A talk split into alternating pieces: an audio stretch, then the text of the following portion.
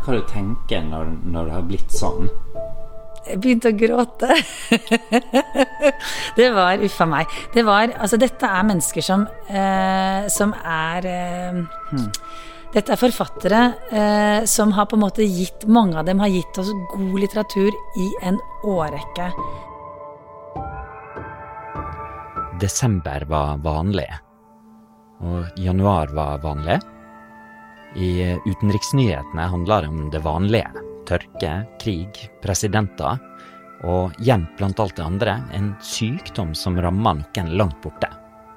Det ble februar, og gradvis gikk det opp for oss at dette viruset kanskje var mer enn ei lokal byge i den fattigere delen av verden. Så ble det 12. mars, og alvoret slo innover oss med full tyngde. For dem den rammer hardest, er korona et spørsmål om liv og død. Men eh, dramatikken for flertallet av oss handler om nedstenginga av samfunnet. Om økonomien. Det her er første episode i en miniserie om korona og bøker. Vi skal se på konsekvensene av virusets herjing fra flere vinkler, og særlig på barne- og ungdomsbokfeltet. Og i dag skal det handle om forfatterøkonomien. Det å være forfatter er en risikosport. Nav og Arbeids- og sosialdepartementet skjønner ikke kunstnerøkonomien i det hele tatt. De fatter ikke hvordan den fungerer. De fleste har fått med seg at kunstnere er ei av gruppene som er hardt ramma, og det skal vi høre mer om snart. Men akkurat som mye godt forfatterhåndverk følger treaktstrukturen, så skal også denne episoden gjøre det. Og da er det sånn at for å oppleve dramatikken i vendepunktet som bringer oss til andre akt, der historia starter for alvor, så må vi først kjenne verden som den var. Og i dette tilfellet så betyr det å forstå hvordan forfatterøkonomien fungerer når alt er normalt. Eh, hvis du får en bok innkjøpt, så er du jo Og den er påmeldt eh, som Ja, den er påmeldt fra et eh, forlag, så får du jo Eh, et, en viss sum. Det her er Taran Bjørnstad, som er leder i Norske barne- og ungdomsbokforfattere, NBU. Ja, men så en vanlig forfatterøkonomi, da. Det er eh, si, Hvis du er så heldig å bli innkjøpt, eh, så har du det i bånn. 120, eh, og så får du noe forskudd, så si du har 150 000 ca. Hvor langt kan et sånt arbeid med å lage Og det varierer. Noen produserer jo øh, Altså noen skriver jo flere bøker, og så har de kanskje en bok på innkjøpsordningen og flere som ikke er på innkjøpsordningen. Uh, og så har du og, og, Du har jo også i, blant våre medlemmer folk som skriver uh, romaner. Ung voksen og crossover-romaner, som, som er store arbeider som kan ta flere år. Nå går jeg rett på en ganske heavy bolk. Det blir nerding med tall. Men jeg skal prøve å gjøre det så kort som mulig. Og hvis du faller av underveis, så vit at konklusjonen kommer snart, og så lenge du får med deg den, så henger du med videre. Ok, la oss tenke oss en forfatter vi kan kalle for Reidun. Reidun skriver ungdomsromaner. Hun har holdt på ei stund, og hun gir ut bøker omtrent annethvert år, så hun er ganske gjennomsnittlig sånn sett. Og i år er et sånt år der Reidun kommer med bok. Hvis hun ikke er veldig uheldig, så blir boka innkjøpt av Kulturrådet, som betyr at den blir sendt til norske bibliotek. Og det her får Reidun 120 000 kroner for. I tillegg får hun royalty, altså litt penger for hvert salg av boka, og det er vanlig å få et forskudd som er for en tredjedel av førsteopplaget. Boka til Reidun er innbundet, har en fastpris på 329 kroner og blir trykka i 1500 eksemplar. Og det betyr at forskuddet blir i overkant av 30 000 kroner. Hvis hele førsteopplaget blir utsolgt, så vil det vanke drøyt 60 000 royalty-kroner i tillegg, som først utbetales i mai året etter at boka er solgt. Riktignok er sjansen stor for at boka ikke selger så mye som 1500 eksemplar. Men la oss si at 1000 av bøkene blir solgt, alt i alt. Da vil hun få 30 000 til i royalty. La oss regne sammen så langt. Reidun har fått 120 000 for innkjøp, 30 000 i forskudd på royalty, og så får hun 30 000 i royalty for salg. Da er vi oppe i 180 000 kroner. Men så må vi huske på at hun bare kommer med bok annethvert år, så vi deler på to. Og det gir en foreløpig årsinntekt på 90 000 kroner. Og så har du kunstnerstipendene ved siden av. Men det er jo en knapphetsgode. Så vi har jo langt, langt flere kvalifiserte søkere enn vi har stipender. Eh, så det er jo noen få heldige som får det, som er på rundt 260 000. Det skal være på en måte en halv årslønn. Stipend, det er en mulighet til å øke inntektene. Som ungdomsbokforfatter har Reidun i hvert fall tre muligheter til litt større stipend. Hun har for det første Statens kunstnerstipend. Hvert år så får 24 barne- og ungdomsbokforfattere utbetalt dette stipendet på i overkant av 270 000 kroner, og det blir til sammen 6,5 millioner. For det andre så har hun MBUs egne stipend. I år er potten der på ca. 5,6 millioner kroner. Og for det tredje så går det an å søke NFFO, altså Norsk faglitterær forfatter- og oversetterforening, om stipend. De to siste åra så har de i snitt delt ut 4,3 millioner til barne- og ungdomsbokforfattere. Og i tillegg til alt det her, så deles det ut et grunnstipend til alle barne- og ungdomsbokforfattere, som er på 1060 kroner per bok de har gitt ut. Totalt ble det delt ut 3,2 millioner i grunnstipend i år. Det her ble mange tall. Bla, bla, bla. Men nå kommer jeg til poenget. For hvis vi legger sammen alt det her, så finner vi ut hvor stor stipendpotten er alt i alt. Og den er på 19,6 millioner. Det er mye penger. Det er faktisk drøyt 4 millioner mer enn Equinor-sjef Eldar Sætre fikk utbetalt i lønn og bonus i fjor. Men eh, potten i seg sjøl er ikke så interessant. Det interessante er hvor mye det her utgjør per barne- og ungdomsforfatter snute. Og da må vi finne ut hvor mange sånne forfattere det er. NBU har nesten 400 medlemmer, men en del av dem er ikke aktive. De anslår sjøl at de har omtrent 260 aktive medlemmer, så la oss ta utgangspunkt i det. 19,6 millioner delt på 260 blir ganske nøyaktig 75 000 kroner. Det er et gjennomsnitt, og i virkeligheten så får man selvfølgelig ingenting ett år, og så mye et annet. Bortsett fra Reidun, da. Hun får nemlig sånn passe klaff på sine søknader, og får nøyaktig 75 000 kroner. Når vi legger det sammen med de 90 000 hun har fra innkjøp og lignende, betyr det at hun har ei årsinntekt på 165 000 kroner så langt. Til sammenligning så var medianlønna i Norge i 2018 524 000 kroner. Alle som får stipend er lykkelige og glad eh, og føler at de har god økonomi på mange måter. Det har de ikke. Det her er Ingvild Herzog, som er leder i Norsk Forfattersentrum. Hvis en forfatter er på skolebesøk eller har ei opplesning på biblioteket, så er det mest sannsynlig formidla gjennom dem, og dem sender regninga. Så det er vel ingen som sitter tettere på forfatterøkonomien. Eh, og så er det jo slik at alle disse forfatterne er jo veldig opptatt av å nå ut, og vil gjerne være snille og syns det er vanskelig å be om lønn, så derfor så er det godt at de bruker oss da til å bli litt sånn strenge og kjipe på vegne av dem, så de slipper det selv. Vi har jo sett på pengene Reidun får inn knytta til å skrive bøker, men eh, store deler av inntektsmulighetene kommer fra det Forfattersentrum sysler med. Og da er det mange forfattere som da satser på mye formidling. For her er vi ved kjernen i første akt, der vi altså lærer om hvordan livet var før. Formidlinga er for mange forfattere den største og mest forutsigbare inntektskilden. De eh, drar ut på veien, gjør En god del turnévirksomhet, hvis de er heldige, i Den kulturelle skolesekken. Og da tjener de, har de en inntjening på det, som ikke er fantastisk, men som er god nok til å holde dem flytende i den perioden. Reidun er mye på turné med Den kulturelle skolesekken, Og det er grunnen til at hun kan dekke barnehageutgifter og huslån og kjøpe brød og smør.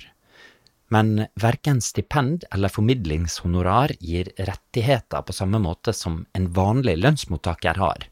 Så du har ikke noen pensjonsinntjening, med mindre du har en egen parallell pensjonsinntjening som du bør ha, men som de færreste har råd til. Og du har heller ikke som oftest råd til å betale for et, eh, en forsikring, en sykelønnsforsikring. Eh, så du har ikke råd til å bli syk, og barna dine kan ikke få vannkopper. Det er mange ting som ikke kan skje for at du skal greie deg rundt eh, når du er forfatter. Så hvis Reidun kan legge inntekter fra formidlingsoppdrag oppå de 165 000 hun har fått inn på bokutgivelse og stipend, så kan det ordne seg på et vis. Og slik går forfatterøkonomien så vidt rundt. Jeg tror enhver forfatter planlegger hvert år at de tar seg en liten sånn runde i bakken rundt sånn mars, hvor de tenker, eller januar, februar, mars, hvor de greier dette året. Hva tenker jeg, hvor skal inntektene komme fra? Får jeg, det, det, får jeg bok, kommer jeg med bok, får jeg oppdrag, får jeg turné? Går det rundt?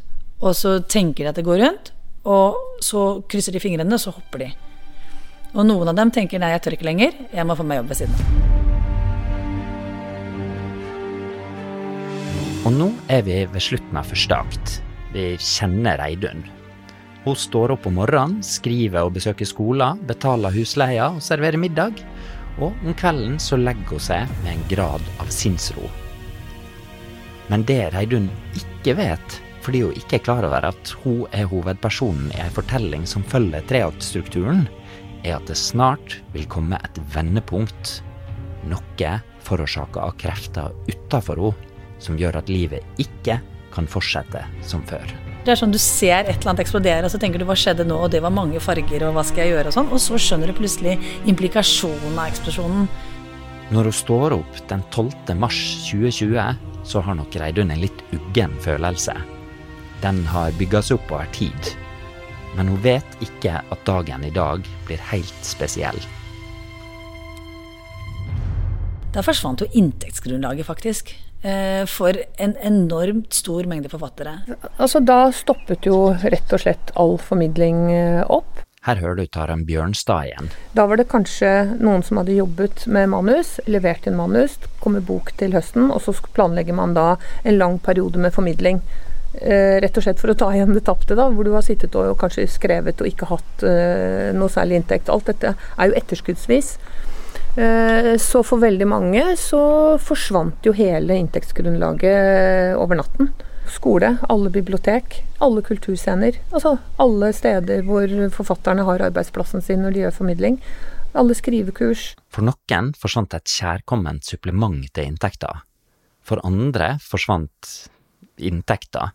Altså Kunstnerne er jo vant til å leve eh, med en eh, egentlig høy risiko. Fordi hvis du blir syk, eller du, barna dine blir syke, og du ikke får skrevet, du får ikke levert manus til til den deadlinen som skal til for at du skal få vårbok eller høstbok. Dette er forfattere vant til.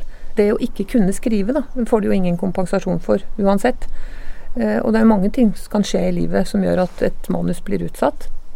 Det kan også være ting som skjer i forlaget, som gjør at manuset blir utsatt. Sånn at den risikoen er kunstnerne vant til å leve med. En viss risiko går bra. Kanskje et skolebesøk på Grong blir avlyst, men så dukker det opp en miniturné på Snåsa. Men når alt arbeid plutselig forsvinner, og du ikke har en jobb å bli permittert fra, du er jo ikke ansatt, da er det plutselig ikke så enkelt. I noen dager råder det, som i resten av samfunnet, full forvirring. Hvordan skal det bli for forfatterne? Da var det noen som var veldig raskt på banen med å si at bl.a. Kulturrådet, også Fritt Ord, eh, var raskt på banen med å si at vi vil, alle som har fått midler av oss, eh, skal bruke dem til å honorere forfattere selv om eh, ting blir avlyst. Så kom, etter noen dager, så kom også Kulturtanken på banen. De var også rimelig raske og sa at de anbefalte eller det er litt urettferdig, Viken DKS kom først på banen sammen med Kulturtanken og sa at vi kommer til å betale alle honorar nå fremover til ut april, var vel det, og så støttet Kulturtanken det. Det at DKS, bibliotek, litteraturhus og andre betaler honorar for avlyste arrangement, blir viktig. Men mange håper på en redningspakke fra myndighetene. Det var kjempefint med den ordningen når alle fikk omsorgspenger for å ha hjemme barna, barna sine. Det fungerte til en viss grad. Da, det, da, tok de et snitt av de siste tre årenes inntekt, eller næringsinntekt, og så gjorde de vurdering på det, og så fikk du omsorgspenger, og alle fikk. selv om du var selvstendig næringsdrivende. Det var strålende. Men så kommer denne andre ordningen som skal ivareta dem nå. Og den funker ikke. Den funker ikke. Den treffer dem ikke. De, de går jo dundrende konkurs. Det er nemlig ordninga for selvstendig næringsdrivende og frilansere. Her er Taran Bjørnstad igjen. Kunstnerøkonomien at den er jo veldig varierende. Hvis man tenker en to-treårsperiode, så kan det være enorme variasjoner av inntekten. Og Først var det varslet at man skulle ta de tre siste årene. Altså at man skulle regne ut eh, en sum basert på de tre siste årenes inntekt. Men så gikk de tilbake på det og bruker 2019. Og for mange forfattere så kan jo det være et veldig, veldig eh, liten inntekt i 2019, fordi man nettopp har sittet og produsert. De som har fått stipend f.eks. For, for Statens kunstnerstipend, det har de fått som lønn. Hvis jeg har levd på det i tre år, og det er ikke mye penger, og så i år skulle de leve av å formidle, de har jo ingenting, det er ikke noe næringsinntekt å vise til overhodet. Kanskje liksom noen tusenlapper, det er ikke nok. Og da får de ikke noe fra Nav. Og da står de der. Og så må de gå på sosialen. Og det liker man ikke så godt å skulle gjøre. Men likevel, det gikk ikke så verst i begynnelsen. I og med at så mange så tidlig eh, var klare på at de ønsket å betale avlyst oppdrag, så merket man ikke mars, merket man ikke tydelig nok. Det var skummelt. Og slett ikke alle eh, var like kule. Men det gikk. Mars gikk. April, da begynte det å, å tynnes litt. Eh, og så kom beskjeden fra Kulturtanken i slutten av april om at de allikevel anbefalte å, dekke alle oppdrag ut skoleåret, altså ut juni. Det sikret ca. en tredel av våre forfattere som har eh, inntekter fra Den kulturelle skolesekken, både voksen- og barnebok. Og allikevel ble nedgangen større og større og mer markant i omsetningen vår. Mai pleier å være en fantastisk måned. Det var den ikke i år. I tillegg så opplever de at dugnadsånden, eller hva vi skal kalle det, fra den første tida blir mindre. Flere og flere oppdragsgivere ble eh, vanskeligere og vanskeligere eh, i forhold til at, eh, at, de mente at dette her eh, var tungt og vanskelig, men, men sånn måtte det bli. Mm. og vi har jo merket oss hvem det er som faktisk har sittet og tjent litt på å avlyse oppdrag og ikke betale forfattere, og har sittet igjen med flere penger nå eh, enn de burde ha, på en måte. Er det. Det har jeg ikke lyst til å si. Jeg har lyst til å være venner med alle. Nei, det er stygt å anklage noen å, eh, på radioen for å tjene penger på koronaen. Men vi har som ikke, som har valgt, vi har organisasjoner som har valgt å ikke honorere og avlyse oppdrag. Det har vi. Og det, eh, bl.a. Festspillene i Bergen, gjorde ikke det. Det er at det har vært mange som sliter. Så forfatterorganisasjonene driver ikke bare politisk kamp for forfatternes rettigheter, flere driver også med konkret krisehjelp. For kort tid siden lyste Forfattersentrum ut et krisestipend. Det starta med at de ble kontakta av lederen for Litteraturhuset i Oslo. Susanne Kalitza kontaktet oss på dag fire og spurte oss om ikke vi kunne lage en felles spleisaksjon for forfatterne, for dette gikk jo, gikk jo åt vegen. Eh, så da gjorde vi det. Eh, som de kjørte parallelt med sine, sine digitalprogrammer og diktlesinger, så kjørte de, sånn viste de til denne Spleisaksjonen. Det kom ikke fryktelig fryktelig mange penger inn dit, det gjorde ikke det, men, men det kom inn en, en, 20 000 fra folk og 30 000 fra Forfattersentrum selv. Eh, og så lyste vi ut et krisestipend, et eh, trekkfritt krisestipend, hvor vi sa at hvis dere har regninger som må betales, og det er det det må gå til faktisk, så har vi 5000 kroner til dem som søker. Vi hadde kort frist på det, for vi tenkte at uh, dette må gå fort. Eh, og så fikk vi inn dobbelt så mange søknader som vi hadde penger til. Og alle søknadene, bortsett fra kanskje tre, var egentlig veldig, veldig gode, gyldige søknader. De undersøkte om det fantes andre ordninger som noen av forfatterne kunne videresendes til, og det førte til at det kom inn mer penger. Søknadene var til ting som Husleie, eh, strømregning, tannlege, briller Eh, mat. Altså Det er klart at du får sosialstøtte. Vi, vi er klar over det. Eh, og så er du pensjonist, så får du en pensjon. Det finnes løsninger og ordninger, men dette er jo altså dette er akuttpenger eh, hvor du sitter og ser at det akkumuleres med, med behov, og at eh, og går du på sosialen, så vil du sosialen også gjøre grep i forhold til hva du må gjøre. Hva du tenker når, når det har blitt sånn? Jeg begynte å gråte. det var uffa meg. Det var Altså, dette er mennesker som, eh, som er eh, hmm. Dette er forfattere eh, som har på en måte gitt Mange av dem har gitt oss god litteratur i en årrekke. Eh, og jeg vet jo, og vi vet jo, at mange av dem har på en måte jobber hardt, har mange oppdrag, men har også en økonomi som gjør at de er avhengig av den opp... Og hvis de er i en livssituasjon da som gjør at det er eh, mer enn dem selv å tenke på, f.eks., eh, så, så er det så er det helt forferdelig at vi er så ræva på å ta vare på forfatterstanden vår. At dette Ja visst er det ille og korona er ille, men at det var så ille på forhånd. Og vi har visst og vi har prøvd å jobbe med det og prøvd å sikre forfatterøkonomi og jobbet for alle disse tingene, men dette her synliggjorde grimt, altså, hvordan situasjonen er. Og man kan jo spørre seg om det er så farlig, da om færre velger forfatteryrket, om etablerte forfattere tvinges til å legge bort skrivinga fordi regningene hoper seg opp. Eh, vi er i en nasjonal litterær gullalder. Det er helt fantastisk hva som blir skrevet nå. Og hvis vi nå mister de forfatterne som skriver disse bøkene fordi de ikke tør å være forfattere lenger, så er det et kjempeproblem. Og det her er andre plottpunkt, vendepunktet som tar oss til tredje akt, som dreier historia i en ny retning. Altså at det står mer på spill enn regningsbunken på kjøkkenbordet, nemlig om bokbunken på nattbordet, om den skal inneholde norske titler. Er det så farlig om bredden i hyllene i bokhandelen skal komme fra de oversatte titlene istedenfor fra dem som er skrevet på norsk? Det er der historia står nå. Vi er ved inngangen til tredje akt. Der skal fortellinga få en slutt. Vi skal få vite hvordan det går hva som skjer med Reidun.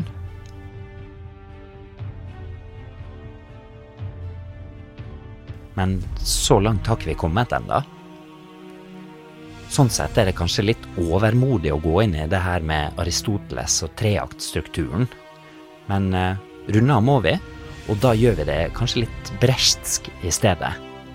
Med Ingvild Herzogs liste over hva forfattere som har det litt mørkt, kan gjøre nå. Akkurat nå, i den akutte fasen, som den fremdeles egentlig er, så må de se eh, på løsninger for å kunne jobbe digitalt. Eh, og så må de være veldig veldig sikre på at de passer på sitt eget åndsverk og ikke gir det bort på noe vis, og ikke lar andre gi det bort på noe vis. Holder på det. Eh, bli strengere eh, med, med, både oss i Forfattersentrum og organisasjonene for øvrig. Og så søk på de ordningene som fins. De av dere som trenger det. De av dere som trenger det, ikke søk på de ordningene som fins, fordi dere kommer i veien for andre. Skriv. Prøv å skrive. Få skrevet. Og kjenn deres egen verdi. Jeg tror mer enn noe annet akkurat nå, så er det sånn at dette er ikke noe sånn stå med luen i hånden og be om unnskyldning for at du er til. Vit at det er helt nødvendig at du er til. Er det én ting vi trenger, så er det kultur og kunst akkurat nå. Vi trenger det veldig, veldig masse. Og går det skikkelig ræva, så ta kontakt.